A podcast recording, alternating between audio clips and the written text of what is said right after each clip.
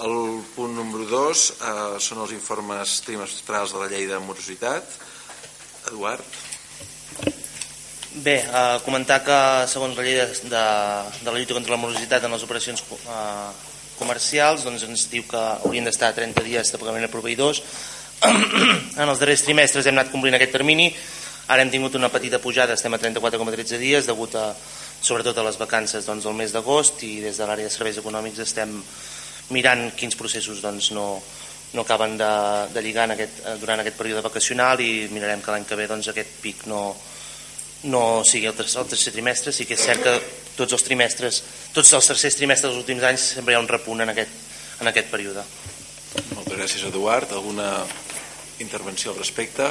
Entenc, eh, secretari Alicia, que aquí tant només és donar compte i no hi ha aprovació.